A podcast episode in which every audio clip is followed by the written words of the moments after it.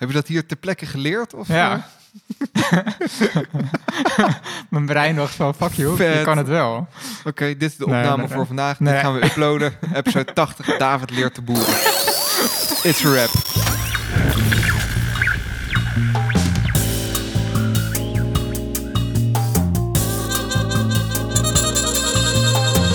De Zeepkast. Opgenomen zaterdag 28 augustus 2021.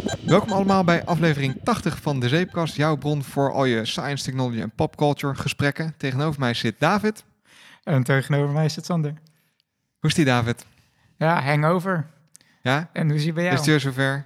Ja, joh. Oh, oh, oh, oh. Nee, v- vertel, je, je hebt eh, eh, gezopen. Echt ouderwets gegoten. Echt. Mhm. Ja, iedereen gevaccineerd, dus dan Als je, weer. Hè? Dus, als je eh, hier, als je daar. Ja, en, eh, precies.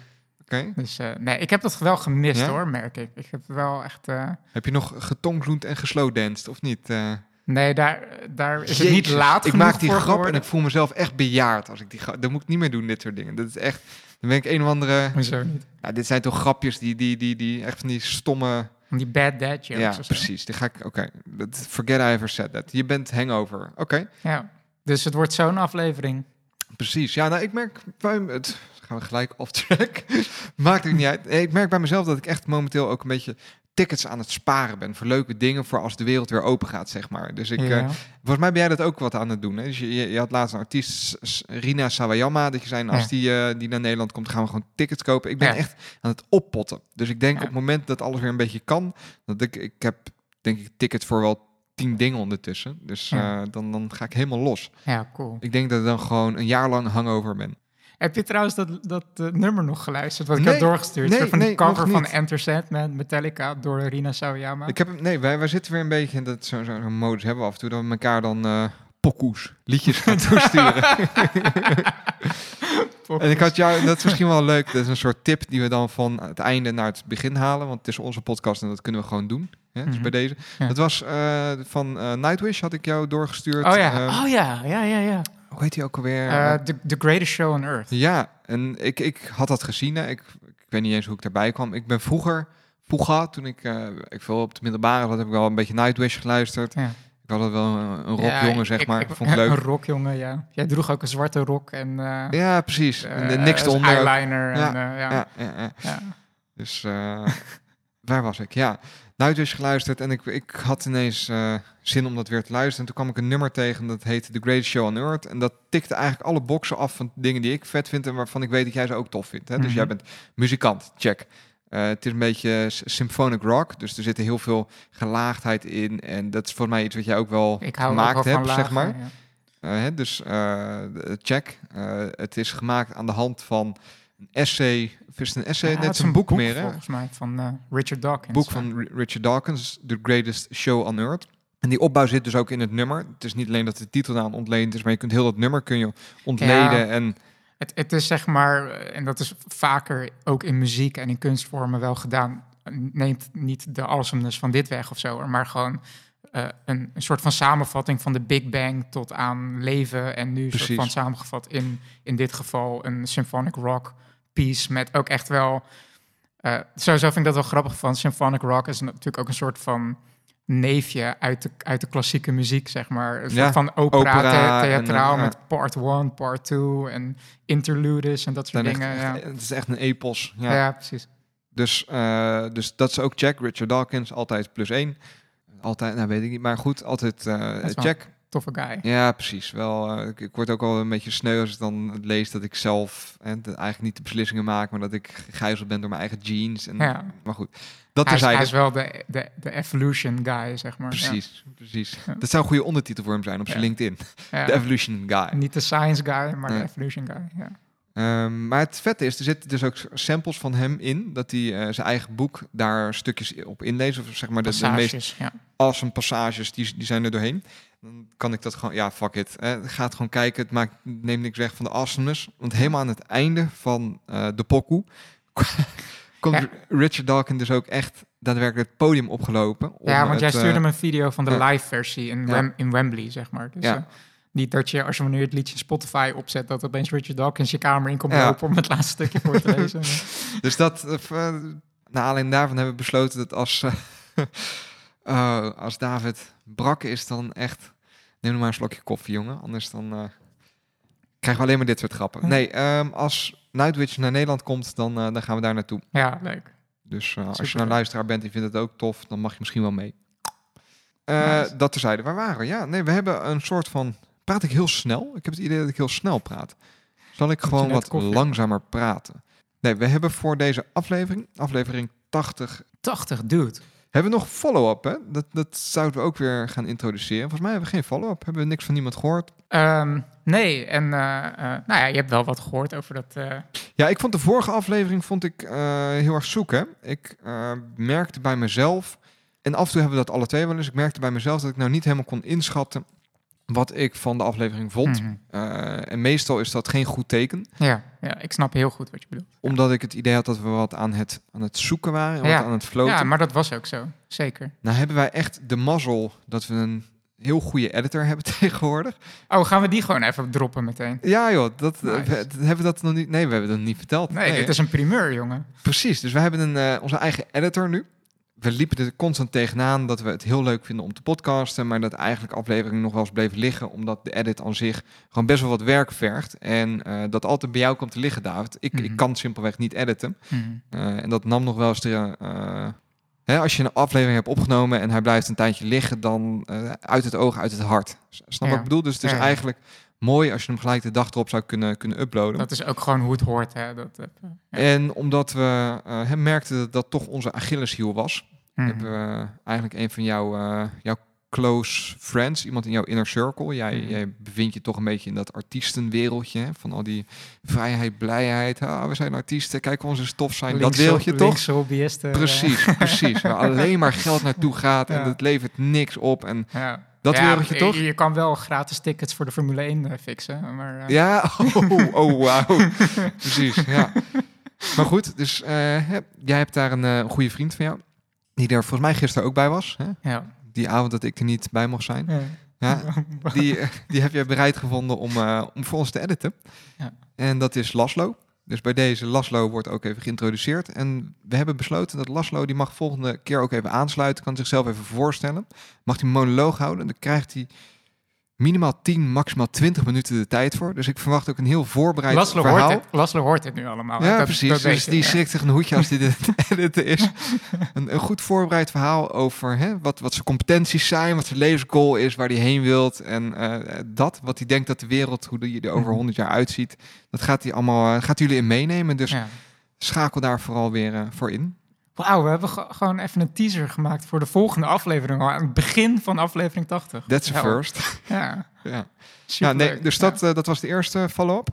Ja. We hadden nog wel een berichtje gekregen. Ik, ik ben er van- trouwens nog even heel kort. Ik ben super blij met, met eh, eh, hoe Laslo de afgelopen afleveringen edit en zo. En ik ben er nu nog een beetje stil over, omdat ik het een beetje wil bewaren voor als Precies. erbij zit. En zo. Ja, Dus, ja. eh, Ja, wat je eigenlijk zegt is van, ik ben wel heel enthousiast over Laslo, ik vind hem heel tof, maar ik doe nu net alsof ik niet heel enthousiast ben, want ik wil het bewaren voor de volgende aflevering. ja, zo mag je het interpreteren. Ja. Ook goed. Ja. Ja. Of je bent hangover, dat kan ook. Zullen we gewoon eens even inhoudelijk wat dingen gaan Ja, bespreken? leuk. Zin in. Er is best wel wat gebeurd in robotland. Dus het, eh, je, hebt, je hebt het op de talking point list heb je het robots, robots, robots, robots genoemd. en dat komt eigenlijk een beetje naar aanleiding. En ik, ik hoop dat onze luisteraars ondertussen niet Elon Musk moe zijn. Hè, maar er, er komt nou eenmaal een hoop. ehm, en noem het technieuws, terwijl het niet per se om het nieuws gaat. Hè. We willen meer de, de diepere tendens daaronder van het, het voeren van robots Ja. voeren. Maar wel naar aanleiding van een, een nieuwsitem waar, waar, waar hij weer mee kwam. Eh, dat is namelijk dat Tesla zelf ook nu een soort robot gaat maken. Wat was die aankondiging fucking cringy, man. Dat was echt... Ik vond het gewoon pijnlijk om naar te kijken. Ik heb hem twee keer stopgezet en dan moest ik even iets anders Ja. gaan doen voordat ik met die dansende guy in dat Ja. soort. Eh, Oké, Ja, laat, het- laten we het- de het- situatie ja, precies. schetsen. Het Voor- ding is, Tesla die heeft, volgens mij is dat jaarlijks, dat, eh, volgens mij wel. Eh, en dat noemen ze dan AI Day. En dat is gewoon een soort van Hm. conferentie om te laten hun nieuwste ontwikkelingen te Ja. laten zien. En dat gaat vaak ook best wel technisch diep. En dan laten ze gewoon zien hoe ver ze zijn met hun. eh, eh, ze hebben al heel lang een soort roadmap richting hun eigen eh, Roadmap. supercomputer. Tudunch. Ja, precies. Daarover later meer. En ehm, laat ze gewoon hun ontwikkelingen zien over computer vision en hun algoritmes. En, en laat Een beetje een nerdfeestje. Hè? Het is wel echt een nerdfeestje. Wat WWDC is voor Apple, is, is, Ja. is AI Day voor Tesla. Ja, ik heb ook een beetje het idee dat zij dat platform ook echt gebruiken voor de, Hiring. voor de AI-community inderdaad. Om inderdaad ook gewoon nieuwe mensen... Want ik kan me zo voorstellen als je een computer scientist bent... eh, Mhm. en je ziet dat een bedrijf echt met op de cutting edge zit van technologie... dan wil je daarvoor werken. En ze willen natuurlijk gewoon de slimste mensen naar binnen Nou ja, en, en, maar het segment waar zij op richten, helemaal in de AI-wereld. Dus, dus mensen die daar goed in zijn, die hebben over het algemeen de banen voor het uitkiezen. Hè. Daar is nu Mhm. momenteel zoveel behoefte aan. Er wordt zo om gevochten. eh, Ja. dat, dat, dat voor mij hele congressen nu georganiseerd worden om mensen maar te laten zien. Kijk eens hoe toffe dingen wij aan het doen zijn. Ja. En als je bij ons komt werken, want mensen gaan, maken die overstap ook voor mij ook niet meer per se om het geld, maar het gaat ook om wat voor toffe dingen mag ik bij jou doen. Mhm. En als je dan zo'n dag organiseert, dan kun je laten zien hoe vet je bent en kun je een, een, een dus dat, dat gevoel kreeg ik heel erg bij AI Day. Ja. Ik weet niet of dat voor jou ook zo was, Ja, ja, zeker. maar goed. En, en ook even wat je zei- net zei over Elon Musk moe en zo. Hij is gewoon heel goed wel in social media en, en, en soort van ideeën de we- wereld in helpen. Want op zich, de robotontwikkelingen, de- er gebeurt ontzettend veel via andere bedrijven. En Ja. een van de bekendste denk ik Boston Dynamics, die gewoon om de zoveel tijd wel echt super impressive filmpjes uitbrengen over hun prototypes. Ze hebben niet zo lang geleden hebben ze ook een nieuwe eh, video uitgebracht. Parkour, parkour! Parkour! Ja, v- van eh, een, eh, volgens mij heet die robot Atlas. Atlas is the culmination of over a decade of hydraulic humanoid robotics work at Boston Dynamics. Atlas stands about five feet tall, weighs about 190 pounds. It's battery powered and hydraulically actuated with 28 degrees of freedom. It has RGB cameras and depth sensors, which provide input to its control system, and all of the computation required for control, perception, and estimation happens on board its three computers. Maar dus op, op robotlandschap gebeurt er zoveel ontzettend, eh, eh, ontzettend toffe dingen. Boston Dynamics die ook Spot eh, heeft uitgebracht en dansvideo's met Spot uitbrengt. Maar dan is het toch op een of andere manier, er komt, dan neemt het Elon een Musk beetje- het, het podium Ja. en, en die brengt een danser op het podium in een stom pak. En dan hebben we het ineens allemaal over, Ja. weet je. En Ik, ik vond het een beetje een cheap shot, als ik eerlijk ben. Ik vond het slecht in elkaar zitten. Ik vond het verhaal, er was überhaupt van mij ook niet zo heel veel uitgedacht over. Het enige dat ze gezegd hebben is, ehm, wij willen ons ook bezig gaan houden met robotontwikkeling. Mhm. We hebben nog geen robot ontwikkeld. We hebben wel auto's gemaakt en we denken dat het een beetje dezelfde techniek is voor robots. moeten we misschien nu even specifiek worden met de term robot. Want een robot is zo'n algemene term. Zo- Ik zo- bedoel, in, in, de- in de. Tesla-fabriek, daar staan ook robots. En dat zijn dan bijvoorbeeld van die grote armen... die dan als enige, taak, gele, ja precies. die als enige taak hebben om een deur bijvoorbeeld op de, op de Model 3 eh, te plaatsen, zeg maar. Een sterk punt. Waar we het nu specifiek over hebben, is een humanoid eh, general purpose robot. Oftewel een robot wat eruit ziet als een mens met gewoon twee armen, twee benen, een torso, een hoofd en general purpose. Vingers. Oftewel vingers. Ja.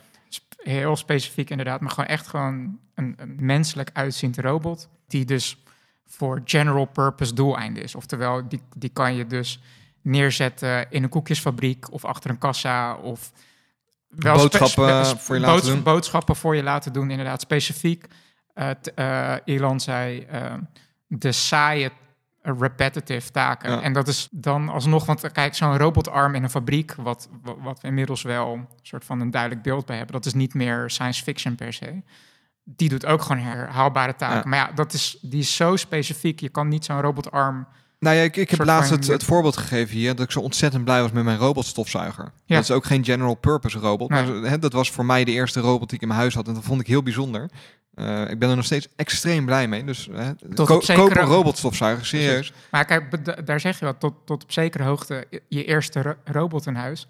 Kijk, je vaatwasser kan je in principe ook een robot noemen. Ja, eens. Eens, daar heb je helemaal een punt. Ja. Je kookplaat. Je... Ja. Maar we hebben het nu dus over de Tesla-bot. Ja. Dus dat, dat is die, die, die, die humanoid eh, general purpose ro- robot van Tesla. En misschien, kijk, want we werden meteen al best wel kritisch eh, eh, omtrent Elon en, en een soort van gare presentatie. En joh, ik, hoor, ik Mhm. las ook een aantal mensen die riepen van ja, het is weer een soort van diversion, omdat Tesla weer betrokken is bij bepaalde onderzoeken omtrent crashes. En Elon Geloof die probeert. Nee, daar, en eh, ik wil dus even benoemen van, ik wil dat aspect eh, even parkeren en het misschien met jou meer over hebben van zo'n humanoid general purpose robot, is dat echt een soort van toekomst wat realistisch is en snap je wat ik bedoel? oké. Dat, Ik- dat ik- lijkt ik- me leuk. Ik snap eh, waar om je, waar je heen wilt. Ik wil heel even dan mijn punt rondom die presentatie afmaken. Ja. En dan gaan we daarna gaan we bespreken een, hy- een hypothetische humanoid eh, robot. Die voor, voor, voor de mundane tasks, hè? dus voor de, Ja. voor de terugkerende saaie taakjes. Hoe dat eruit zou moeten zien en of dat überhaupt wenselijk is. Mhm. Wat ik jammer vond, is dat ik eh, hè, die, die hele AI-day aan zich vind ik heel tof. Daar worden heel vette dingen laten zien over hoe ver ze zijn met AI. Tesla is ook echt ver met AI, is daar heel goed in en het zijn dingen waar ze trots op mogen zijn. En dit kwam op mij over meer als een bijna een soort hiring tool. Hè, dus het- kijk eens wat, wat een toffe dingen wij gaan bouwen in de toekomst. Eh, maar het werd gepresenteerd alsof ze nu al, hè, Elon Musk die podium opkomt, die een danser een pak heeft aangetrokken van zo zou die robot eruit zien. Die een slide naar voren toont waar geen informatie op staat, alleen maar de hoogte, hoe snel die kan rennen.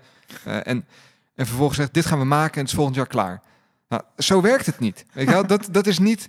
Dat zijn niet claims die je zo mag maken. Dat, is, dat, dat, dat doe je echt de, de, de, de techwereld een beetje tekort mee door zo kort door de bocht te gaan. Want daarmee Ja. zeg je ook dat eigenlijk Boston Dynamics, die al tien jaar bezig is Ja. met het ontwikkelen van super epic vette robots en er af en toe filmpjes van publiceert, Ja. dat wat zij doen, dat het eigenlijk child's play is. En dat jij binnen een jaar wel even iets anders maakt, zonder dat je dat kunt onderbouwen met wat dan ook. Ja. Kom eerst eens even met een goed verhaal, laat iets zien en geef dan die presentatie. Want nu Ja. neem je wat mij betreft door het laten zien van die robot, die pakt center stage voor de hele AI-day. Mhm. Dus dit is wat je overal terugleest. Mhm. En dat neemt weg van de awesomeness van de Ja. rest van het evenement. Ja. Waar eigenlijk veel toffere dingen Ja. te zien waren over het hele self-driving car concept. Mhm. Die echt wel, hè, waar ze echt iets over te zeggen hebben. Dus tot zover mijn rant over... Ja, ja, en ik snap je heel goed, want dat gevoel had ik dus zelf ook. Van dat het wel echt een enorme sneer is, inderdaad, richting Boston Dynamics. Die, waarvan jij inderdaad al zegt van die zijn al tien jaar bezig met. En die laten gewoon concreet ook hun progressie zien. En dat is echt super indrukwekkend eh, wat eh, Boston Dynamics doet. Maar dat ziet er bij lange na niet uit als een soort van die hele slanke. Eh, menselijke vormrobot. Ik bedoel, die eh, Boston Dynamic die heeft ook prototypes dus van mensachtige robots met eh, twee armen, twee benen. Mhm. Waarvan het laatste filmpje, dat is een soort van parkour, hardcore parkour, eh, Parkour! ding. Parkour, parkour! en dat zag, er, dat zag er super gaaf uit. Ik, vond, ik was dan ook benieuwd hoe ze dat geprogrammeerd hadden. Want je zag ook wanneer, zo'n, wanneer die robot een salto maakte bijvoorbeeld... en weer zijn balans eh, zocht. Dan zie je die Dat- voetjes wat, eh ja, wat maar dat ziet, wiggelen. hè? dat ziet er bijna... Het ziet er gewoon menselijk uit, zeg maar. Je, had op een gegeven moment zo'n shot en dan zag je een van die robots in eh, slow motion een, een achterwaartse salto maken. En dan zag je echt gewoon bijna menselijke features in, in de beweging Ja, terugkomen. het is bijna het is uncanny, hè? Hoe je, Ja. hoe je een mens ook een achterwaartse salto... Ik kan dat ook, nee, dat is niet waar. Ook een achterwaartse salto zou zien doen. En dat, Ja. is, dat vond ik wel, wel vet om te zien. Ja, en dan eh, heb je dus Elon die dus inderdaad met een paar slides een hypermoderne robot laat zien. Tesla heeft tot, tot nu toe nul laten zien dat ze eh, ook maar iets qua eh, ervaring hebben van zo'n type robot maken. Eh, eh, het enige wat ze zeggen is van ja, een, een auto is in feite ook gewoon een semi-sentient eh, robot. Dat klopt. Maar om echt een soort van ledematen te maken met, met een bepaalde ja, dexterity, ik kan even niet op het Nederlandse woord komen. Ja, bepaald fijngevoeligheid in de vingers. Mooi, Ja. mooi woord eigenlijk. Fijngevoeligheid in de, in de handen, zeg maar. Dat is wel echt een soort unholy grail van, van, van de Ja. robotica. En Tof dat je auto's maakt, betekent niet dat je handen kan maken. Dat is eigenlijk, Ja. ja. awesome, ja, precies. En daar moest ik dus ook best wel hard om lachen, om die, die slide die je beschreef. Van, dan laat ze die torso zien en dan zie je ook wel een beetje hoe Elon denkt. Hè? Want als je bijvoorbeeld naar SpaceX kijkt en hoe die vinnen op de, de Super Heavy... Daar zitten eh, gewoon eh, Model 3 eh, Tesla mo- motoren Tesla achter. motoren achter om die dingen te draaien. Dus hij heeft wel een soort beetje een soort van Lego-mind van... Mm. ik heb dit blokje hier, maar dat blokje kan ik ook daar gebruiken. Maar ja, Dus en dat, die- we, we hebben het vorige keer heel erg gehad over de, de softwareontwikkelmanier van het maken van raketten. En dat je Ja. daar heel agile naar kijkt. Ja. Dit is eigenlijk hè, veel fast en minimal viable product. Ja. Welke, welke componenten heb ik en hoe kan ik zo snel mogelijk naar een product dat enigszins werkt? Dat Ja. is eigenlijk wat hij hier dan ook doet. Ja, precies. Dus hij liet dus een foto zien van de robot eh, semi-doorzichtig met wat erin zit. En dan Ja. zie je dus dat, dat de, eigenlijk de hele torso die is gevuld met dezelfde full self-driving computer die in de Tesla zit. Dus dat is gewoon zo'n groot vierkant ding. Dat zit dan in, in de torso. En de ledematen, dat zijn volgens mij ook gewoon Model 3 eh, actuators, zeg maar, om, om te draaien. En dan, wat zijn actuators? ja, eh, Ge- gewrichten, zeg maar, een soort van bewegende ja, een soort van, componenten. van, van, eh, motoren eigenlijk. En dan zie je dus de hand. En dan, ehm, je weet wel, een soort van die blueprint tekeningen met lijntjes van, oké, dit is dit, dit is dat. En dan ging er een lijntje van de hand naar de tekst, eh, full eh, eh, human hand fingers of zo, weet Ja, je wel. ja. En toen dacht ik van, ja, zo kan ik het ook. Weet je? Ja, precies. van- Ja, dat is, ik bedoel, dan print ik een foto van mezelf uit, maak zo'n lijntje naast en zeg Ja. biljonair. ja, Betekent niet dat ik biljonair ben. exact. Exact dat. Nou, daar moest ik wel echt om lachen. Maar, dus dat even, eh, even tot daar van de, de absurditeit. Maar, Als wij nou over een jaar, als deze robot bestaat en hij werkt goed, dan kijken we terug op deze aflevering en dan verwijderen we hem gewoon. maar kijk, dit is dus, dit vind ik grappig dat je dit zegt. Want als ik even gewoon devil's advocate speel, gewoon, gewoon stel dat. Stel je voor dat, dat wat Elon Musk denkt, dat het klopt. Ze, zijn wel, ze staan wel echt heel ver in machine learning en inderdaad, ze, eh, ze, ze zijn goed in robotachtige componenten bouwen, want zij maken ook bijvoorbeeld de fabriek en dat zit ook helemaal vol met robots. Ja, maar die robots die kopen ze, hè? Ja, kijk, die, de fabriek die ontwerpen ze, maar onderdelen daarvan die halen ze waarschijnlijk inderdaad ook af de shelf. Maar eh, het punt wat ik probeer te maken is, denk even terug aan eh, de smartphone-revolutie. Dat Steve Jobs die brengt een, een die laat de iPhone zien.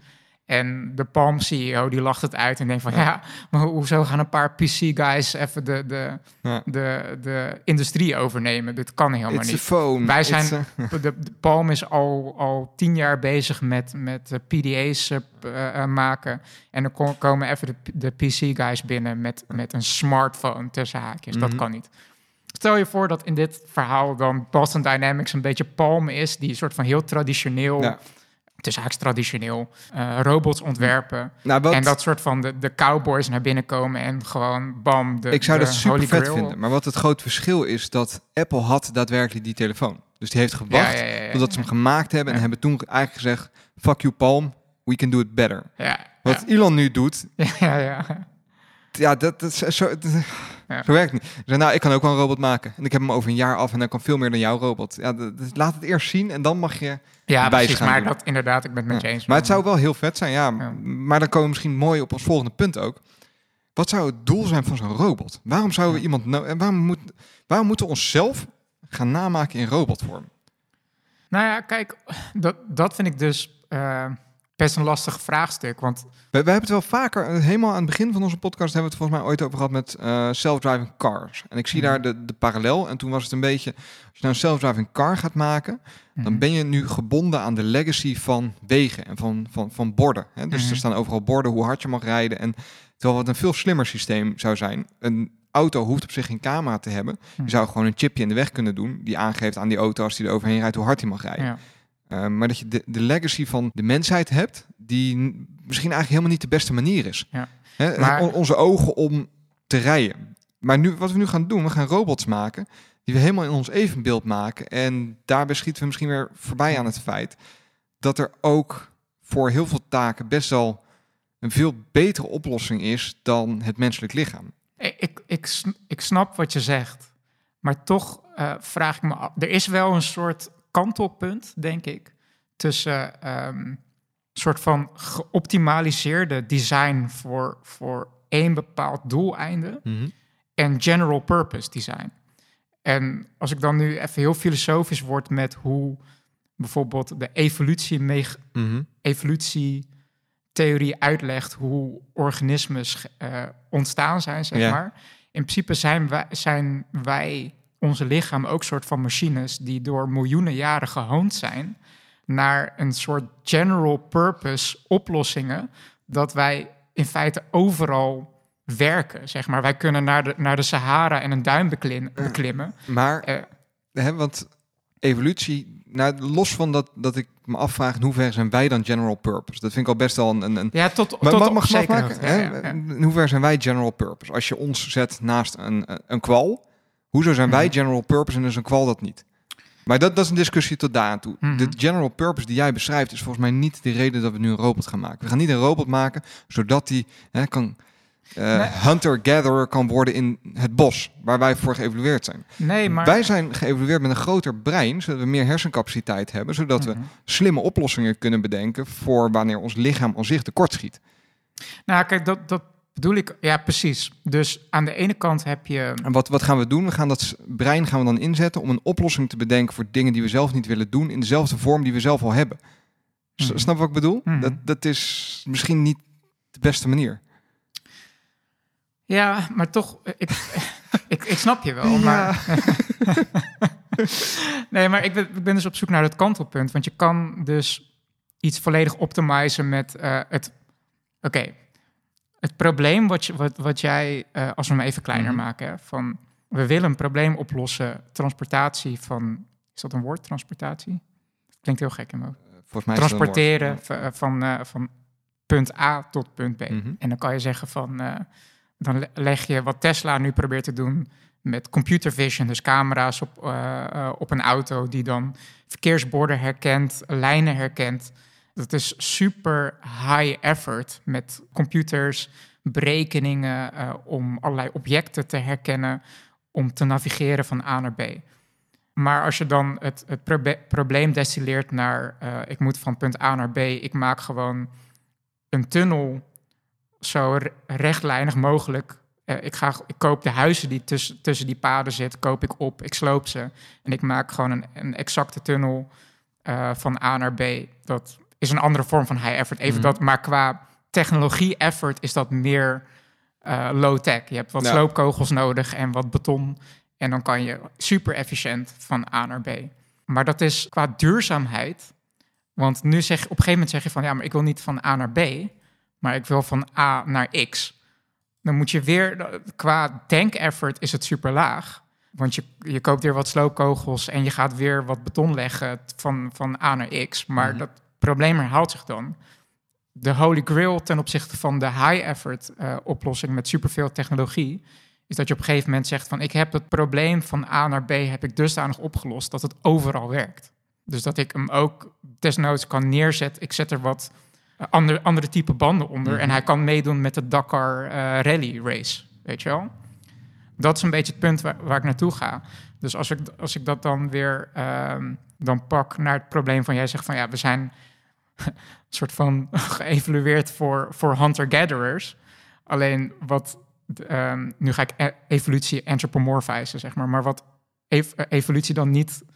Dat wordt de titel van deze aflevering. Ja. David Anthropomorphized Evolutie. Ja, nee, maar wat evolutie dan niet heet voorzien, is dat, dat er dan een organisme is ontstaan die dan soort van efficiënt is in speren maken en een hunter-gatherer society te zijn. Maar we zijn dan general purpose genoeg dat we op een gegeven moment ook gaan migreren en veel ingewikkeldere tools gaan maken en onze hele omgeving gaan shapen, zeg maar.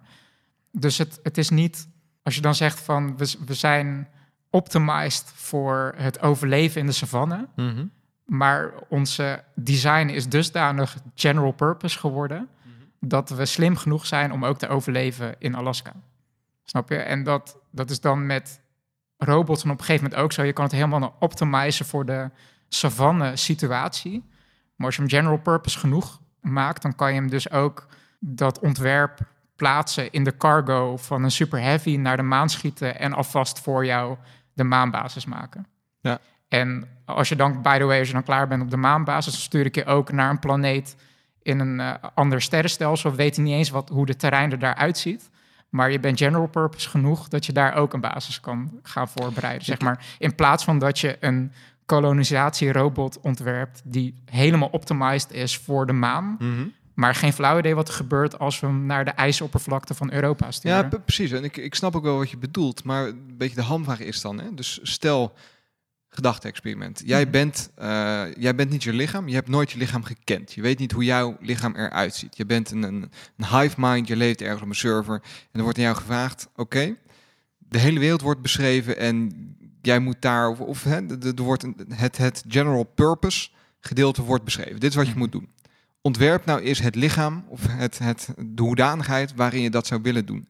Ja. Zou je dan een menslichaam tekenen of zou dat er goed- anders dat, uitzien? dat is een goed punt, inderdaad. Want eh, je kan ook op een gegeven moment zeggen van... is het menselijk lichaam de meest optimized general purpose format? Je zou ook kunnen Ja. zeggen van... ik maak een soort octopus die eh, zich voortbeweegt op, op twee tentakels... en dan, snap je? En die kan dan veel meer dingen tegelijk vasthouden. En, en het grappige is dat je dus in die hele robotontwikkeling eh, eigenlijk datzelfde punt ook ziet terugkomen. Want Ja. naast nu dus het ontwikkelen van dit soort general purpose robots die er exact zo uitzien als wij, heb je parallel daaraan ook de ontwikkeling van robots, hè, exosuits. Mhm. Waarbij we gewoon zeggen, nou, ons lichaam is eigenlijk niet ideaal. Ja. Dus we gaan exosuits maken waarbij we of veel meer kracht hebben. Nou, dat is Ja. je lichaam alleen enhancen. Maar ook exosuits waarbij je... Je hebt van die dingen dat je een extra duim maakt aan je ja. hand. Ja, ja, ja, Waarbij je zegt, nou, mijn hand is fijn, maar het kan beter. Mhm. Fuck you, evolution. Ik voeg gewoon een extra vinger toe. Exact. En dus binnen hetzelfde domein... Dr. Octopus van Spider-Man. Precies. Ja. Hè, dus eh, daar hebben ze juist de conclusie getrokken. Er zijn heel veel toepassingen waarvoor ons lichaam Ik, ik beter snap, zou kunnen. ik, ik snap volledig wat je bedoelt. Het enige, en dat is, dat is, daarom klopt het misschien ook heel erg bij eh, Elon Musk. Wat hij heel erg doet, hij kijkt naar... En wat dat gaat, is hij misschien helemaal niet zo'n toekomstvisionair. hè? Hij kijkt heel erg naar de wereld waar we nu in leven. Mhm. de middelen die we nu beschikbaar hebben en vooral de randvoorwaarden waarmee we het nu moeten doen. Dit zie je ook terug in zijn, zijn self-driving cars. Hij heeft zijn eigen auto's, waar heel veel andere fabrikanten, heel veel, hè, die, die zijn gaan kijken naar LiDAR of naar Hmm. andere, andere manieren. Is hij gewoon gaan kijken, hoe kan ik nou met de oplossingen die beschikbaar zijn, camera's, Mhm. binnen de, de randvoorwaarden die ik heb, eh, lijnen op de weg en, en stopborden en andere... hè, hoe kan Mhm. ik zorgen dat we gewoon bij wijze van spreken volgende week een auto hebben die hier kan rijden, zonder uitbundige aanpassingen Ja. te moeten doen aan die wegen. Dat is Ja. eigenlijk wat hij hier ook doet. Hè. We Ja. hebben dat menselijk lichaam. Als dat mijn randvoorwaarde is, want dat is een vorm waarvan ik weet dat deze vorm die kan heel goed gebruikt worden voor general purpose Mhm. doeleinden. Ik weet misschien niet of dit de beste vorm is, maar dit is wel een vorm waarvan we weten dat die werkt. Als ik dat nou eens ga nabouwen, eh, dan hebben we, eh, Ja. als ik dat volgend jaar heb, dan hebben we een vorm waarvan we weten dat die in ieder geval zou kunnen functioneren. Ja, ja. Misschien, een- misschien een laatste punt, en dat is dan een soort irrationele factor, is de acceptatie van de mensheid dat er ook robots tussen ons omgeven, zeg maar. Ja. Als ik dan zeg maar het voorbeeld neem van octopus-like ro- general purpose robots die, do- die voor mensen boodschappen aan het maken is versus mensachtige robots die boodschappen voor mensen doet. Dat is op een psychologisch level nogal een verschil. Snap wat ik bedoel? Ik, ik snap wat je En bedoelt. er zijn bijvoorbeeld eh, concrete voorbeelden van eh, bedrijven die robots maken in de zorg of die met eh, eh, kinderen werken die bijvoorbeeld extra hulp nodig hebben met, met leren of dat soort dingen. Daar hadden we toen met Brave New World een keer wat filmpjes over gezien. Hoe Ja. dan bijvoorbeeld een, een kind op een gegeven moment een tekening maakt voor, voor die robot van kijk eens wat ik voor je heb gemaakt. Ja, eigenlijk, Dat eigenlijk- is, ja. dat, ja, dat is ook wel een factor of zo. Ja, er, er zit een bepaald emotioneel. We hebben, bij, bij, bij banden, we zijn als, als mensen nou eenmaal zo geëvalueerd om snel een band op te bouwen met iets, iets dat twee ogen heeft en enigszins eh, relatable is. Vooral grote, Precies, ogen. hè? Dat, Dus we- dat, dat- helpt. dat- ja. Wij banden sneller met een aapje dan met een octopus. Ja. Omdat we daar meer mee kunnen relaten. Toch? ja. Exact, ja. En daar, ja, dat, dat, daar heb je een punt. Dus als Ja. je, eh, wat je eigenlijk zegt is, als we dan een vorm in de supermarkt tegenkomen die we herkennen, Hm. dan is de acceptatie daarvan makkelijker dan een vorm die we helemaal niet herkennen. Ja, Dat vind ik nog wel een, een valide punt. ja, ja. Oké, dus dat so, so far robots. Eigenlijk een beetje de conclusie is dat we nog niet exact weten hoe robots eruit moeten zien. Dat er best wel een verschil te maken is tussen een general purpose robot, hè, dus een robot die op meerdere manieren ingezet kan worden, en een single purpose robot. Daar hebben we al best wel goede oplossingen voor. Denk aan de robotstofzuiger of de, de grote robots in, eh, in Tesla fabrieken. Mhm. Het is eigenlijk best wel een spannende tijd. Ja. Het lijkt mij heel gek als ik voor het eerst in de supermarkt een humanoid robot tegen ga komen. En Ja. ik denk dat ik het wel ga meemaken in mijn lifetime. Interesting. Ik weet nog niet of dat iets, of het iets realistisch is, voor, of dat iets is. We- weet je waar dat een beetje van gaat afhangen? Denk ik. En dan halen we hem even terug naar AI Day ook. Nice, ja, ja. want dat zal, ik ben de meester van brugjes. Nee, Ja. maar dat zal ook een beetje afhangen van ehm, de ontwikkeling. eh, de hardware, daar zijn we ondertussen best wel oké in geworden. Eh, en dat is ook wel op te lossen. Maar het is het, het vergaren van extreme bakken data om zo'n machine ook te leren wat hij moet doen. Eigen- eigenlijk de vergelijking die je eerder ook maakte omtrent dat evolutie er ook voor gezorgd hebben dat we een steeds groter brein kregen. Precies. Dat is misschien een van de grootste innovaties van, van evolutie. Ja, en we moeten eigenlijk dus zo'n general purpose robot moeten ook een beetje een eigen brein mee gaan geven. Eh, nou ja, het is altijd spannend als je robots eh, in dezelfde zin als brein noemt. Daar zijn we nog lang niet. Maar we moeten die robot wel een aantal, eh, aantal regels meegeven. Ja, als je in de supermarkt bent en ik heb gezegd dat ik ketchup wil. Hoe zie je wat ketchup is? Van, nou, eh, duizend en één eh, di- ding kun je daarvoor bedenken. Sorry, ik moet even lachen, maar heb je net gegeten, Sander? Ja, oh, hoorde je het? Ja, god. Ja, we mochten van Laszlo niet meer eten voor de Shame. aflevering, maar we hebben het wel gedaan. Ja. Ik had Ja. honger. Maakt niet uit, waar wou ik heen? Ja. Dus we moeten eigenlijk zo snel mogelijk die robot dingen gaan leren. Eigenlijk net als je met een kleuter doet. En dat is, dan is die ook wel weer full circle. Want tijdens AI Day, daarom baalde ik er misschien zo van dat ze die bot ook gingen aankondigen. Want er Mhm. zijn veel vettere dingen aangekondigd. En dat Ja. is...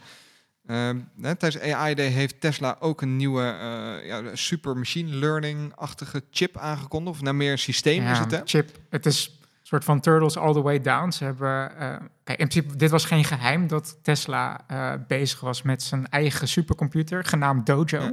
En ehm, hier, hier, hiervoor kochten ze gewoon heel veel Nvidia videokaarten om machine learning Ah, modellen hier- te trainen. Hier, hiervoor kochten ze heel veel eh, general purpose chips om te leren. En wat ze nu hebben gedaan, ze hebben beseft, nou, we hebben een heel specifieke use case, of Ja. heel specifieke, we moeten machine learning heel goed kunnen doen. Ja. Dus we hebben een single purpose chip hebben we nodig. Ja, ja, ja dus dat is inderdaad, dat klopt helemaal. Het is gewoon een chip. En daar komen we nog zo op een chip, want dat is nog Ja. veel genuanceerder. Maar ze hebben eigenlijk vanaf eh, de ground up, zeg maar vanaf nul, tot aan de hardware, de, de, de transistoren, de chips, het hele design eromheen, alles wat erbij komt kijken, tot aan de, de software die erop draait, hebben ze helemaal geoptimaliseerd voor eh, wat zij nodig hebben. En dat is video inladen door een algoritme zo snel mogelijk laten berekenen om eh, machine learning modellen te trainen. Ja, dus dat wordt nu vooral gebruikt, of eigenlijk slechts gebruikt, slechts, dat klinkt, maar dat wordt gebruikt voor de self-driving capability, het zelf rondrijden van de Tesla-auto. Die daar, eh, nou goed, dat is dus sowieso een landschap waar heel veel in gebeurt. En ik durf nog steeds wel te stellen dat Tesla daar gewoon echt met kop en schouders bovenuit steekt. Die zijn Mhm. daar zo ontzettend goed in momenteel. Ja, ze zijn er ook nog niet. Hè? Mhm. Want je moet een systeem hebben dat niet 99% van de gevallen de juiste keuze maakt, maar 100%. Dan zul je daar nooit helemaal komen. Maar Ik wou het zeggen. Ik vind 99 al heel, nee, maar, want, want ze zeggen nu wel self-driving aan zich. En dat is, een, dat is een hele andere discussie hoor, waar we nu misschien niet op in moeten gaan. Maar self-driving is nu al veiliger dan eh, self-driving capability in een auto is veiliger dan een menselijke eh, eh, visie op rijden. Maar je moet keer tien veiliger worden. Want als een mens zelf een ongeluk maakt, dan heb je iemand om accountable te houden. Dus iemand die daarvoor verantwoordelijk is. En bij een, bij een auto wordt dat veel lastiger. Nou goed, dat is een, dat is een discussie voor een andere keer. Laat, laten we nu eerst laten we het even over Dojo hebben. Want eh, nou, wat ik net zei, is, eh, het is het was geen geheim dat ze al eh, lange tijd bezig waren met hun eigen ontwerp voor de machine learning supercomputer. wat uiteindelijk de vervanging moet worden van hun Nvidia videokaarten stack, zeg maar. Server farm. Ja. Precies. En deze AI Day hebben ze dus hun volledige ontwerp aangekondigd. Laten zien, cijfers getoond. Eh, en het bestaat ook daadwerkelijk. Het is niet een man in een pak die een robot moet voorstellen. Maar het is echt... eh, Diezelfde man die had nu een chip ja, ja, ja.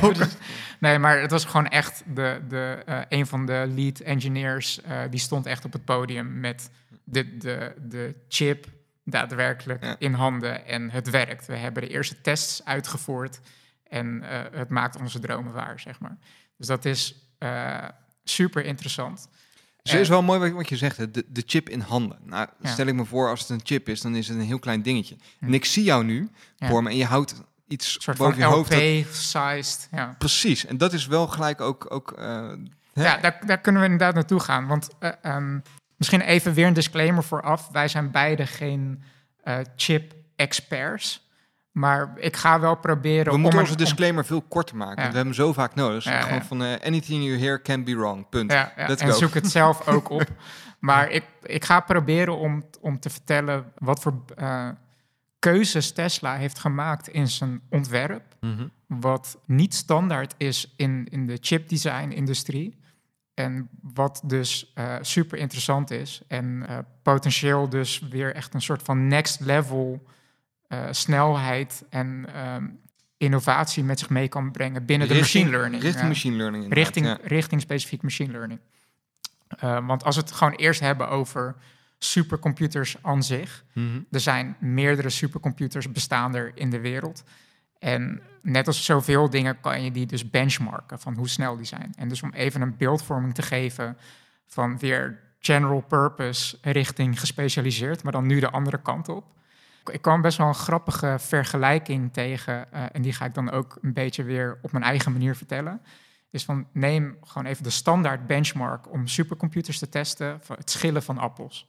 Dan, eh, dus je meet gewoon hoeveel appels kan die supercomputer schillen per seconde. Maar is dat een step van de PC-markt richting Apple? Nee, nee, nee, nee, nee, nee.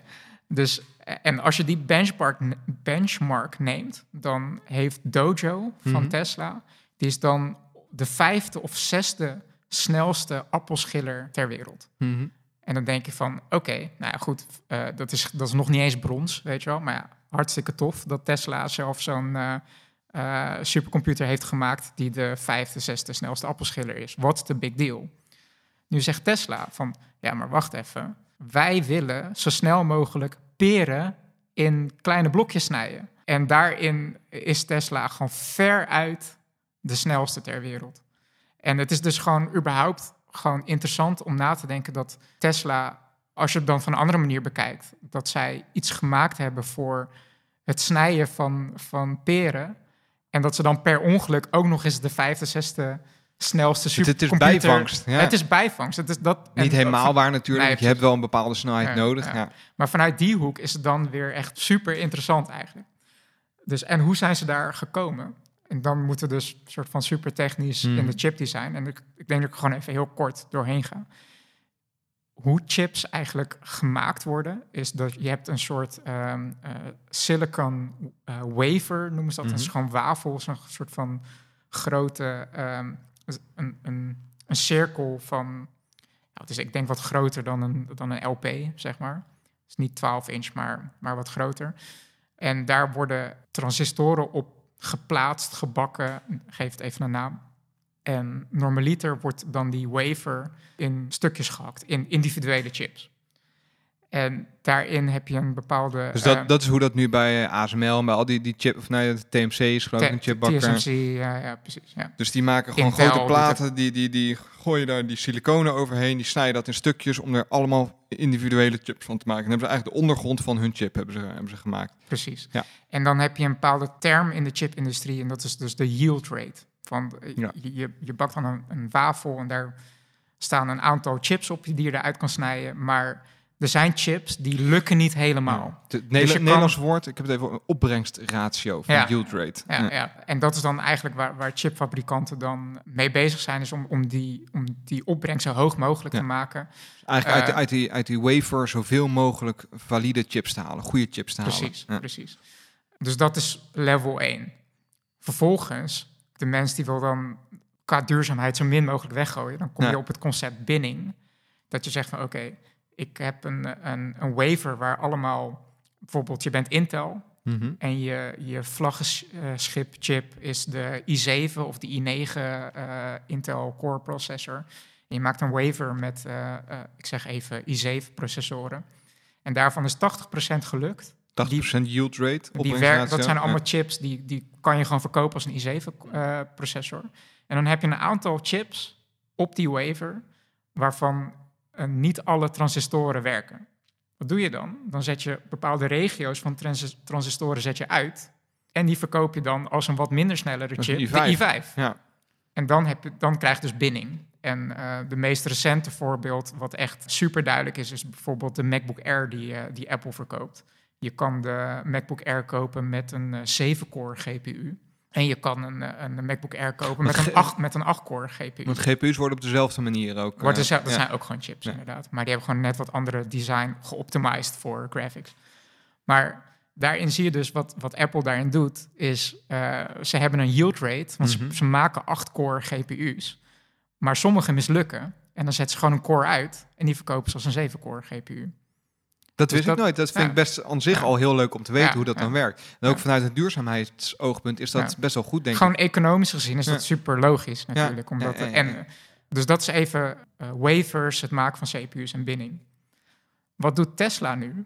Die eh, heeft een chipdesign gemaakt en die gebruiken... In plaats van dat zij die individuele chips eruit knippen... Mhm. gebruiken zij de hele wafer. Als één grote... eh, ehm, Waferplaat chip. Ja, precies. Dat noemen ze de, de, de tile, zeg maar, een tegel. Zeg Ja. maar. De, de, de hele tegel is eigenlijk hun computerchip, Ja. zeg maar. Wat dus bestaat uit allemaal Het individuele... is wel grappig, hè? Waar, waar chips aan zich steeds kleiner worden, gaat Ja. Tesla nu juist een huge Ja, ja, ja, ja. eh, chip maken. Ja. En dat is aan zich, dat is nog nooit gedaan Maar hoe, hoe zou je hem dan noemen? Hè? Dus eh, Intel zou daar 5000 i7 Ja, chips uithalen. Dit is de i15000 chip dan. ja, ja. ja, precies. Dus dat is sowieso qua... ehm, het fabriceren van, van zo'n ding is al Hmm. best wel challenging. Ik vind het wel bijzonder moet, dat ja. niemand dat idee eerder heeft gehad. En het is op zich een vrij logisch idee. Ja, precies. Maar ik denk dat het te maken heeft dus met die yield. Kijk, als jij Intel bent, je wil zoveel mogelijk chips verkopen. En Tesla heeft dus een challenge dat zij een, een wafer moeten maken waarin, waar, met een 100% yield rate. Ja. Eigenlijk. Ze kunnen, niet, ze kunnen niet van het concept bidding gebruiken. Voordeel wel is omdat zij gewoon een supercomputer voor zichzelf maken. Ik, het getal is me ontschoten, maar ze, ze mikken op iets van eh 400 zoveel van die eh, wafers Mhm. ik kan ernaast zitten, maar maakt niet uit. Het punt is, is dat zij niet voor de mass market chips aan het maken zijn. Nee. Dus zij kunnen het denk ik veroorloven om het risico te nemen om te mikken op een aantal Als er maar één op tien goed wafers is. Ja, die 100% werken. Ze hoeven niet heel de wereld te voorzien van die wafers. Dus als Ja. zij er hè, een factor 10 meer moeten maken om aan het aantal goede wafers te komen, Ja. dan kan dat. Ja, ja, precies. Dus dat is stap 1. Het voordeel wat het met zich meebrengt eh, voor Tesla is dat al die chiplets eigenlijk op die wafer, die zijn al met, direct op een Wat silicon een mooie level. term is dat. Chiplets. Ja, ja. Die zijn op, op, op de silicon level Ja. Al met elkaar verbonden. Weet je, hebt heel die wafer gewoon eerst ingespoten met silicon eigenlijk. Of gewoon gebakken met siliconen. Ja, dat eh, qua eh, grondstof weet ik niet exact hoe dat werkt hoor. Maar het is het materiaal, Ja. het is gewoon één ding, zeg maar. En daar staan ze, zijn ze allemaal opge, ingebouwd, zeg maar. Ja. Dus, even heel kort, je hoeft niet via een moederbord te gaan. Dus je hoeft niet... Kijk, Dus normaliter eigenlijk de een- snelwegen tussen die chips hoef je niet meer aan te leggen, want die liggen er al. Ja, En waarbij normale chips, bij i7's, bij i5's, eigenlijk die snelwegen losgeknipt worden. Vervolgens wordt er zo'n ding op een moederbord gezet en worden weer nieuwe verbindingen gemaakt naar andere chips op zo'n moederbord. Ja. Is wat Tesla doet, die laat die verbindingen al zich gewoon intact. En die maakt er gebruik van, eh, wederom van bestaande techniek. Ja. Ja, ja, precies. Dus het, het is weer een bepaalde optimalisatie, zeg maar. Ja. Wat je, ik wil bijna zeggen, gratis krijgt door het gewoon op de wafer te houden. Ik, ik zit te denken, wat ik, wat ik grap, en ik weet niet of het helemaal opgaat, maar als we teruggaan naar vorige aflevering en dan de designfilosofie van eh, Elon Musk, daar zat ook een stap zat erin van Delete the process, ja. Pre- precies. Part of process, ja. maak het proces simpeler. Waarom Ja. doen we dingen? En Ja. dat, dat kun je hier 100% Ja. op plotten. Van, waarom knik, knippen we eigenlijk die chips los? En Wie, wie heeft dat bedacht en waarom doen we dat? Is dat voor ons wel nodig? Of vind ik wel mooi om te zien dat dat hier in, terugkomt. Ja. Er zijn nog een aantal dingen wat vrij uniek is voor de, voor, voor de industrie. Ehm, is hoe zij omgaan met, met eh, RAM-geheugen. Want normaliter, Ja, RAM is altijd een beetje het... het, eh, het, het- het werkgeheugen, ja. ja, ja, het- Ja, de tijdelijke geheugen precies, van... eh, precies. Er was ook iemand die maakte best een mooie vergelijking van je, je werkgeheugen is een soort van whiteboard waarin je kan schrijven. Ik heb heel lang bij, bij, kan, bij, eh, een, bij vegen. een computerverkoper gewerkt. Jij ook trouwens. Daar kennen we elkaar van. En toen legde ik het inderdaad altijd uit van... Je werkgeheugen is eigenlijk, eigenlijk je klapblaadje. Dus daar leg je en dan doe je inderdaad je notities op. En als je ermee klaar bent, dan gooi je het ook weer weg. Ja. En, eh, maar kijk, wat wij meestal gewend zijn is van je hebt je harde schijf en dat, dat is waar je permanent eh, Ja. wat meer persistent geheugen naar schrijft. En je hebt je werkgeheugen. Maar er zijn nog veel meer levels van, van werkgeheugen, zeg maar. En dan ga je echt richting eh, DRAM, SRAM, L3 cache, L2 cache. En eigenlijk om het even simpel te houden, elk level zit gewoon steeds dichter op, de, de- chip. ja. En daardoor is de communicatie eh, steeds sneller. Dus wa- waar je eerst van over secondes praat, praat je bij eh, L3 cache over 10 nanoseconden, praat je bij L2 cache over 4 nanoseconden. En bij L1 cache praat je over een halve nanoseconde, zeg maar. En dat is dan een beetje de holy grail van dat je echt zo snel mogelijk data door die chip heen wil rossen eigenlijk. Zal ik Ja. even gechargeerd Ja, zeggen. helemaal als je zoveel mogelijk Ja. videobeelden Ja. zo snel mogelijk wil verwerken, dan is dat echt je, eh. Wat je wilt. Ja, maar wat je dan ook ziet, is dat het dus vrij simpel is om een harde schijf van 4 terabyte te maken. Maar als je over L3 cache praat, dan praat je over eh, anderhalf MB, zeg Ja. maar. Dat soort dingen. Dus dat is super klein. Dus je ziet toch dat veel chipmakers, of computerontwerpen, zal ik maar even zeggen. eh, nou, neem bijvoorbeeld de M1-chip van Apple. Die heeft een system on a chip. Maar toch met, met eh RAM-geheugen van 8 GB die naast de CPU staat. Dus vroeger was, had je een moederbord en dan zetten er centimeters verwijderd. Ja. En nu heeft Apple gezegd oké, we, we, we plaatsen de eh, eh, werkgeheugen naast de chip. Dat is gewoon weer sneller en efficiënter. Eh, maar je hebt alsnog wel de, de chip en de werkgeheugen naast elkaar... die via een soort moederbord en connectoren met elkaar moeten communiceren... wat dus tijdsverlies is, et cetera. Tesla heeft met zijn ontwerp het hele concept van outboard werkgeheugen ook weer weggegooid. Ze werken eigenlijk alleen maar met L2 cache en hebben hun ontwerp er helemaal op geoptimaliseerd dat zij in de industrie de grootste eh, L2 cache hebben van alle chipdesigners, want ze hebben daar volledig op gefocust. En omdat het allemaal op die ene wafer zit, hebben ze er ook gewoon vet veel van. Dus ze hebben een enorme pool aan werkgeheugen wat ze met 4 nanoseconden precies. Dus kunnen Eigenlijk, wat, eigenlijk wat je zegt, hè, is dat de Achilleshiel van... Het liefst zou je altijd met geheugen werken dat zo dicht mogelijk op je chip zit. Achilleshiel daarvan is dat dat niet te maken is Ja. op schaal. Dat het niet groot genoeg kan zijn. Dat je daarom ziet dat het er eigenlijk altijd buiten geplaatst wordt eh, voor massale opslag. Hmm. Tesla heeft gezegd van ja, waarom zou dat niet kunnen als wij gewoon een wafer hebben van eh, wat is het eh, Ja. groter dan een plaat, dan kunnen we er best wel Ja. een hoop L2 cache direct inzetten. En dan hebben we die snelste vorm van geheugen. Ja, precies. En, dan, en dat kunnen ze eigenlijk doen door die chip, die, die system on a chip, Mhm. volledig te optimizen voor hetgeen wat zij interessant vinden. Dus waarin je, als je Intel bent en je, ontwerpt een i7-processor, probeer weer een general purpose Ja. CPU te maken waar de ene gebruiker muziek mee kan maken en de andere zijn foto's kan editen. De chip van Tesla hoeft maar één ding te doen en dat is een machine learning model trainen. Dus ze hebben eigenlijk in de conventies van chip design en system on a chips hebben ze Mhm. eigenlijk alles verwijderd wat voor hun niet interessant is. Daar komt het eigenlijk gewoon op neer. Wederom de designvisie Ja, van Elon Musk. ja, precies. En zo zijn er ik, ik kan nog doorgaan met, ik denk dat het eh, op, eh, ik denk dat het punt wel gemaakt is, zeg maar. Dat Ja. het gewoon, dat ze een supercomputer hebben gemaakt die gewoon de beste machine learning supercomputer is ter wereld. Zeg maar. En dat is op een technisch level, los van designkeuzes Mhm. aan de ene kant. Maar eh, ook nu eh, echt wordt uitgevoerd. En dat Tesla dus voor zichzelf economisch gezien eh, de, het risico durft te nemen om dit te gaan doen. Want kijk, nogmaals weer een Nvidia of zo, die, die maakt chips en die gaat die, die chips eruit snijden, omdat dat gewoon economisch het meest logisch is. Mhm. Ik bedoel, je gaat niet een hele waver aan chips verkopen. Dat, dat koopt niemand. Maar Tesla, die doet dat gewoon voor zichzelf. Dus dat is. Ja, Wie, wie gaat de chips voor ze bakken? Is dat... Ja, dat is, dat is een goeie. Zij doen het inderdaad niet zelf. Ze zijn dus nog maar Intel is eigenlijk de enige die zijn eigen foundry heeft. Uh, dus ga, de geruchten gaan wel dat TSMC dat gaat doen. En uh, TSMC heeft laatst ook nog aangekondigd dat ze de prijzen van hun chips uh, omhoog gooien, want er is een enorme chiptekort. Ja. Dus, uh, maar goed. Ja, nou ja, ze hebben de, ja, ze hebben de 500.000 nodig, geloof ik, toch? Ja, maar dat zijn niet wafers, hè? Nee, dat, dat zijn, dat de, zijn uiteindelijk de chips, chips op die dus, wafers. Ja, precies. Ja, precies ja. Ja, dus nee, maar goed, wat ik probeer aan te geven is dat dit niet het wereldwijde chiptekort heel erg omhoog zal stuwen. Dit, is, nee. dit gaat om veel chips, maar wereldwijd gezien is dit niet veel chips. Nee, nee, nee, dat klopt. Ja. Ja. Dus ja, ik vind het echt super, super dan, interessant. En, uh, hè, dan gaan we helemaal weer full circle. Want hoe jammer is het dan dat deze hele presentatie, hele AI-day in het teken staat van een man in een pak die net doet of hij een robot is. Ja, Toch? Terwijl er echt wel baanbrekende shit wordt aangekondigd die dan uh, backstage ergens gebeurt. Maar goed, daar, daar, daarom hebben wij het erover. Precies, precies. Hey, volgens mij zijn we rond dan, hè?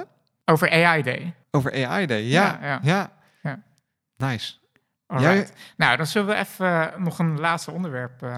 Ja, nou ja, onderwerp. En dat schuurt ook wat aan tegen... eh, we geven meestal aan het einde van de zeepkast ook nog wat, wat, wat, wat tips en wat dingen waar we mee bezig zijn geweest. Mm. En eh, daar, eh, daar schuurt wat tegenaan. Jij bent weer herbegonnen met het spelen van een, een bepaalde game. En je roept eigenlijk al de hele week, daar wil ik het zo graag over hebben. En dat is de game The Witness. Ja. Ik, ik dacht dus echt dat ik het ooit gespeeld had. En we hebben het hier wel eens besproken in, eh, in, in de zeepkast. Misschien dat ik het heel erg door elkaar haal met Monument Valley. Dat zou, zou kunnen. ja, dat, Ik, ik had in mijn hoofd dat het zo'nzelfde type puzzelgame was met mooie muziek en heel rustgevend. Mhm, mhm. eh, maar dat was het niet. Ik heb, eh, ik heb vanmorgen even wat filmpjes gekeken over hoe het eruit ziet. Het is echt een puzzelgame. Je speelt hem geloof ik op je PlayStation 4 kun je hem spelen. Of je kunt hem op verschillende platformen kun je hem je spelen. kan volgens mij op bijna alle platformen spelen. Ik weet toevallig dat jij onlangs een Switch hebt gekocht. Ja, Je kan hem ook op de Switch spelen. oh wat nice. Kan hem echt, je kan hem, en daar wil ik zo ook even een opmerking over maken. Want er is een reden waarom je het echt op alles kan spelen. Ja, ja, en dat draagt bij aan jouw enthousiasme voor deze game. En wat maakt Ja. deze game zo goed? En wat, wat is überhaupt de synopsis hiervan? Nou ja, ehm, de oplettende luisteraar, die, of de, de luisteraar die al heel lang naar ons luistert, die eh, komt dit onderwerp misschien al bekend voor. Want in aflevering 43, dat is in 2017, Ja. dat is echt bizar, hebben we het al een keer gehad over deze game. Aflevering 43 die heette Basje en Adriaan en de reis met Boeddha.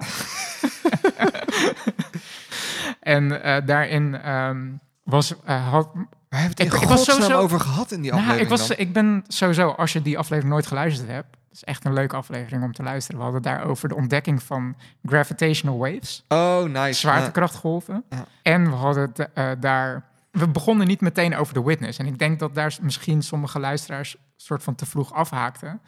Maar ik ben oprecht trots op dat we een soort bruggetje hebben gemaakt tussen Dragon Ball Z en de filosofie van boeddhisme daarin. Ja. En hoe dat ook correleert met de game The Witness, zeg maar. Dus dat vind ik gewoon super vet, zeg maar. Maar we gaan nu gewoon meteen direct over The Witness beginnen. Want nou, dus ik heb die game dus in 2017 gespeeld... en die had zo'n dusdanige indruk op me gemaakt. eh, en ik zag volledige link met boeddhisme en zo. Mhm. En ik weet dat de programmeur... Van, het is een indie game, zeg maar. Het is een heel klein team. En de lead designer en bedenker is ook best wel een soort boeddhistische eh zen-master, zeg maar. Dus die koppeling eh, snapte ik helemaal. En ik ben dus onlangs had ik weer zin om, om die game weer opnieuw te, te experiencen. En ik verbaasde me bijna wat voor opnieuw, zeg maar, het een impact weer op me had. En ik ga dat proberen uit te leggen. Dus basically wil ik gewoon een soort van lofzang maken aan The Witness. Van Een ode aan de een- witness. Wat een Ja. briljant kunstwerk dat is, zeg maar. Dus heel kort, het is een 3D-game. eh, first person. Eh, dus je kijkt, zeg maar, je ziet niet een poppetje lopen of zo, maar je, je kijkt soort van alsof jij door die ogen kijkt. En je bent op een eiland. En dat eiland zit vol met schermen. En op zo'n scherm staat een puzzel. En de gemene deler tussen al die puzzels is dat je over een raster Mhm. een lijn moet trekken. Maar hoe je die lijn moet trekken, dat hangt af eigenlijk van een aantal symbolen die je in dat raster ziet. En het briljante aan die game is dat het, geeft geen het heeft geen tutorial, het legt niets uit. Maar het, het legt op een meer passieve manier uit hoe je de puzzels moet oplossen door gewoon heel geleid eerst een hele simpele puzzel te Mhm. laten zien. En dan een iets moeilijkere. En eigenlijk gaat het ervan uit dat door associaties te leggen tussen dit werkt wel, dit werkt niet en ik zie dit symbool, dat je op een gegeven moment de regels gaat begrijpen. Ja, precies. Eigenlijk hoe wij, dat is heel stom voorbeeld, maar als wij nu we zijn wel eens bezig met apen bepaalde eh, dingen aanleren. Eh, dat is dezelfde. eh, als je niet iets kan of wil vertellen, dan ga je gewoon learning by eh, het, het voordoen, ja, zeg met, maar. met eigenlijk positieve feedback en negatieve Precies, feedback. precies, zeg maar, ja. Met een stroomstootje of... ja, ja, ja, precies. ja, ja, ja. Ja.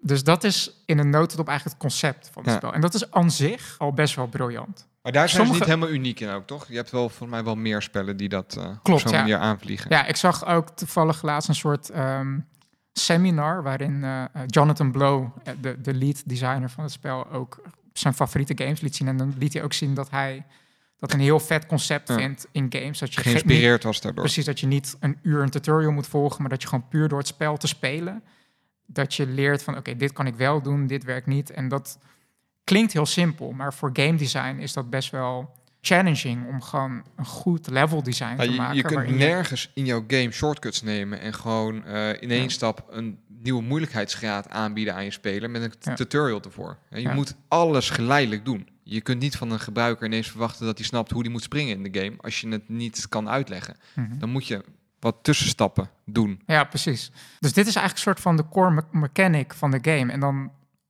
kan ik me zo voorstellen van... Ik, ik, ik merk dat je, dat je als, je als je games speelt, dat je dan een soort van geconditioneerd bent van...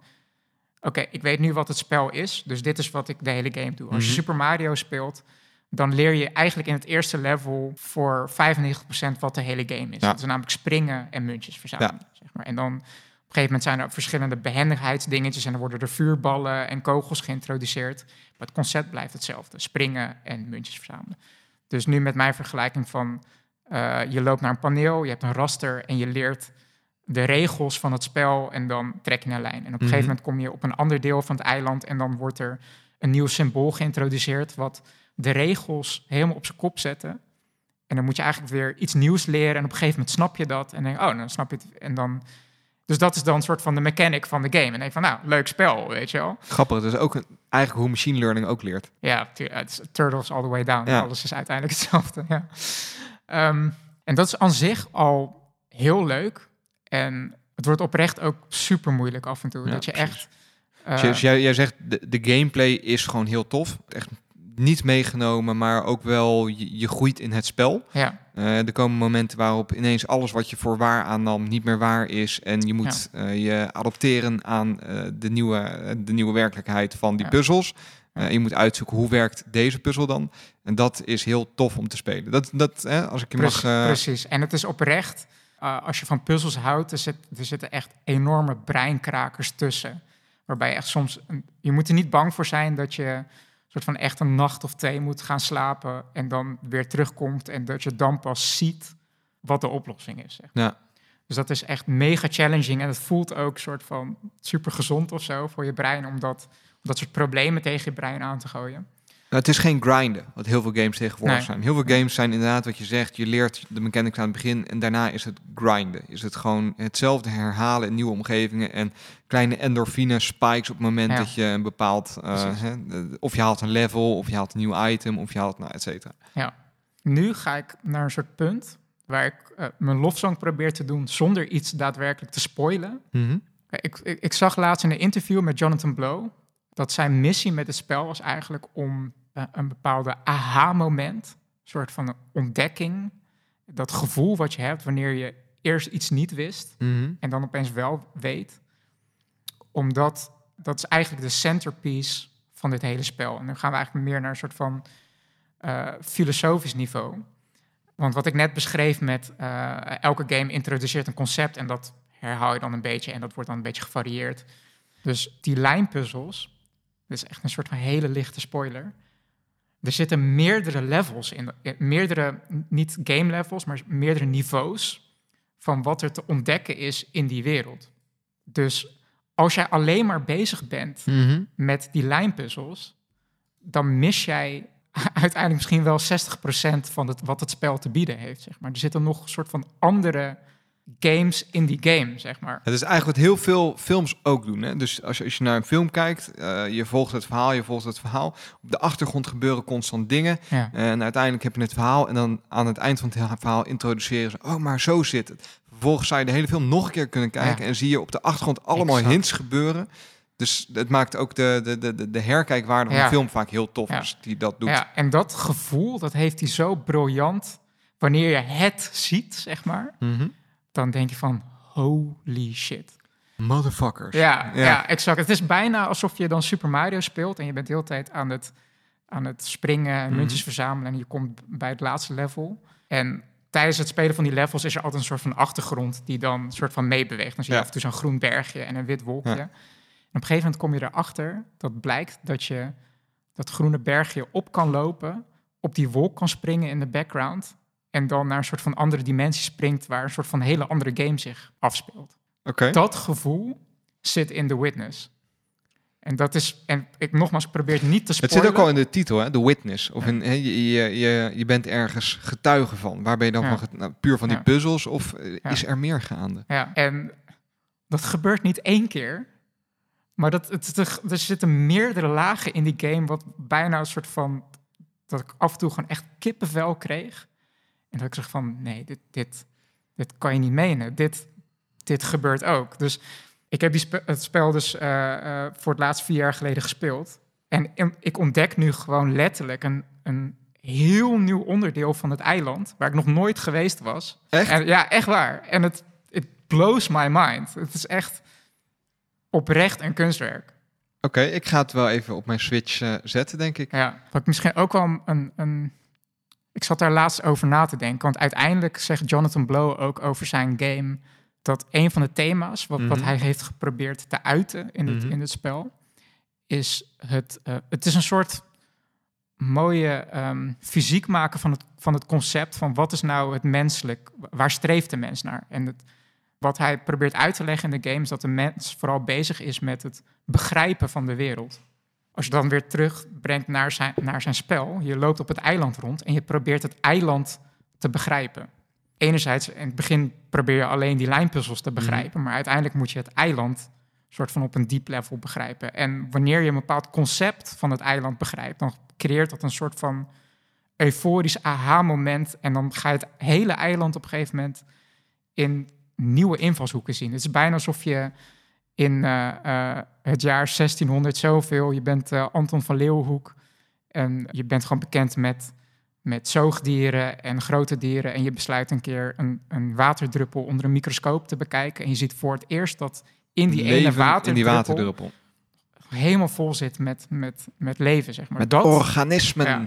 dat gevoel van begrijpen, soort van eerst iets niet weten, de Mhm. realiteit proberen te begrijpen en de waarheid, soort van tussen haakjes de waarheid ontdekken en met die kennis alles weer in een nieuw licht zien. Ja. Dat, he- dat heeft hij gewoon zo prachtig in deze game. Ik, ik denk dat je, hè, want eh, ik, ik denk dat je het goed hebt verwoord nu. En dat het ook nu vooral is aan de, aan de luisteraars en Ja. aan mij dan, hè, Ja. om, om deze game ook gewoon te gaan spelen. Om dit te gaan ervaren. Want hoe meer je zegt, hoe meer er misschien ook al weggenomen wordt van die, die ervaring. ja, ja, precies. Dat, dat vind ik wel goed. Wa- Wat je mij daarnaast vertelde, en dat is wel iets waar wat ik nog even kort wil, wil aanstippen, want dat is wel een filosofie die ik heel mooi vind, Mhm. is dat je, je geeft terecht aan deze game is in 2017 eh, al een keer in de zeepkast voorbij gekomen. Dus het is een game die al best wel even bestaat, maar ook bestaat op een wat nieuwer platform als de Switch of de PlayStation eh 4. Mhm. Dus de game aan zich wordt ook geport naar nieuwe platforms.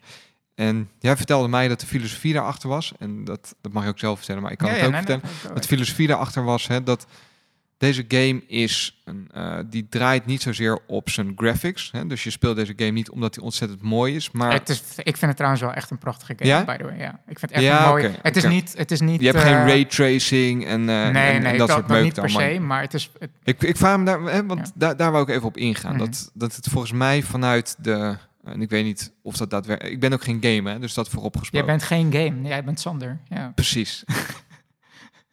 ik, maar helemaal van pa- Nee, de game-industrie die streeft er altijd heel erg naar om de allermooiste games te laten zien. En in mijn hoofd heeft dat dus altijd, als ik terugga naar toen ik, eh, wat is het, 12 jaar oud was en voor het eerst Tomb Raider zag, van wauw, dit is zo mooi, dit is lifelike, Mhm. dit is echt mooier dan dit wordt het niet. Als ik die game nu terugzie, dan ziet het helemaal niet zo mooi uit. Dus het is ook, dat als je, als je daarin meegaat, het constant mooier maken van games, dan moet je ook daarin mee blijven gaan. Zonder dat je nieuwe niveaus bereikt. Snap je een Mhm. beetje wat ik bedoel? ja. Ik als gebruiker heb constant die ervaring van wauw, dit is prachtig. Mhm. Ehm, maar die ervaring ben je na een jaar ook weer kwijt, omdat er Mhm. nieuwe niveaus van pracht gebruikt worden, die ik misschien niet nog mooier vind dan wat ik vorig jaar als prachtig ervaarde. Dus het is datzelfde gevoel creëren, maar je moet het wel telkens mooier maken. Ja. Ik weet niet meer helemaal waar ik naartoe wil, maar dat, dat is waar dus heel veel van die games op draaien. Op het, Ja. het mooier Ja, maken. het meer het vluchtige. Van Precies. een game komt uit en is dan populair. Bedoel, nu is, eh, eh, nou ja, is het nog populair? Eh, Cyberpunk eh, 2077. Dat was toen eerst een soort van Ja, heel crème, veel- crème de la crème van raytracing. En nu is, Heel veel games gaan daar dus ook aan je, ten ja. onder. Omdat als je te lang bezig bent met je gameontwikkeling, je gaat te veel tijd steken in de, de mechanics daarvan. Dan ga je achterlopen op hoe mooi is je game. En dan ga je dat proberen bij te spijken. Dan ga je tegen heel veel bugs aanlopen. En dan Mhm. gaat het helemaal shit hits the fan. Op het moment dat je dat loslaat en je zegt, ik ga gewoon een goede game maken. Die er goed uitziet. eh, en ik richt me niet zozeer op die vluchtigheid daarvan. Maar ik richt me heel erg op dat die game aan zich goed is. Dat de mechanics goed in elkaar zitten. Dat dan is de herspeelwaarde van je game die zal ook heel hoog Hmm. blijven. Dus die kun je best wel opnieuw porten naar nieuwe platforms. Zonder de relevantie van je Ja. game te verliezen. Ja, kijk, Doe, doe ik het zo justice aan wat je mij ja, ik, zal, ik, zeker. En ik zal nog eh, één klein deel dus uitbreiden. Want dus een van de doelen die Jonathan Blow had met dit spel... en zijn team is er oprecht ook zeven jaar mee bezig geweest hè, om dit Mhm. spel te maken. En dat eiland zit dus nogmaals op een subtiel level zo briljant en ingewikkeld in elkaar. En een van de doelen die hij had is dat iemand het spel kan spelen, uit kan spelen... na tien jaar terug kan komen... en het spel weer helemaal in een ander licht Ja. zien en ontdekken. En dat heb ik dus persoonlijk nu ook ervaren met een tussenpoos van vier jaar. Dat ik hem vier jaar gespeeld heb. Enorm vette indruk op me heeft gemaakt. Eh, een podcast heb gemaakt over boeddhisme naar aanleiding van het spel. En vier jaar later speel ik hem nog een keer. En ik heb weer een soort van Anton van Leeuwenhoek eh, ervaring, eh, zeg ik Mm. maar even, van ik kijk een waterdruppel in en ik ontdek een hele microcosmos in het spel wat ik niet die eerder niet kende, ja. dat gevoel wil, wilde die creëren. En dan kom je dus even op een com- computer science challenge van je, je programmeert iets, maar werkt je code nog over, over drie jaar. En wat ik heel vet en duurzaam vind, is dat zij dus ehm, hun eigen game engine hebben gemaakt. En op zich is dat niet per se uniek, maar wel echt met het doel van wij zijn eh, helemaal eigenaar van de hele basiscode. Dus als er over tien jaar een nieuwe spelcomputer uitkomt of zo, wat nu nog niemand bedacht heeft, dan kunnen wij onze engine. eh, Het is naar aan ons om die engine eh, Mhm. dan te porten daar naartoe. En dan kunnen we de Witness over 10, 20 jaar nog steeds levend houden. Dat vind ik gewoon zo ontzettend vet. Eens. En het is heel duur. Het, Ja. ook, ook vanuit commercieel oogpunt is dat natuurlijk heel slim. Nou ja, kijk, de- kijk Ja. bijvoorbeeld. Er, Eigenlijk er, kwam, niet meer... er kwam laatst een, eh, een, eh, ehm, ook het nieuws uit dat Mist. Dat is ook een puzzelspel wat toevallig ook op een eiland eh, afspeelt. Eh, toevallig. Ik denk wel dat hij een soort van geïnspireerd is eh, door Mist. Die komt uit 1993 uit mijn hoofd. Eh, Een soort van early 90s. En ze hebben onlangs, Cyan, de, de developers van Mhm. Mist, die hebben bijna 30 jaar na dato weer een nieuwe versie ervan uitgebracht voor de, voor de Apple M1-chip. Helemaal optimized, Super vet. 4K. Hm. Ja, dat soort dingen. Dat is gewoon te gek. Mist is trouwens ook echt een, eh, een enorme eh, aanrader. Het is echt een vette puzzelgame. Zullen we hier gewoon gaan afsluiten? Want volgens mij Ja, zijn we alweer veel te lang aan het kletsen. Nooit te lang, Sander. Dat is waar, dat is waar. Nee, nee. Lieve luisteraars, bedankt voor het luisteren. Vond je het tof wat we gemaakt hebben? Dan kun je ons op een aantal manieren helpen. Je kunt onze aflevering delen met vrienden, familie, buren en kennissen. Je kunt ons, als je het heel tof vindt, financieel steunen. Eh, dat kan via Patreon. Je kunt een kijkje nemen op onze webcast, eh, website, webcast, geen idee. Website zeepkast.nl, daar publiceren we ook onze afleveringen. Webkaas. Dat is, het, eh, dat is het nieuwe internet wat over vijf jaar uitkomt. En daar draait de Witness ook op. Webkaas. Ja. Vet. Lieve luisteraars, bedankt voor het luisteren. David, dankjewel. Jij ook bedankt, Sander. Live long en prosper. Ciao.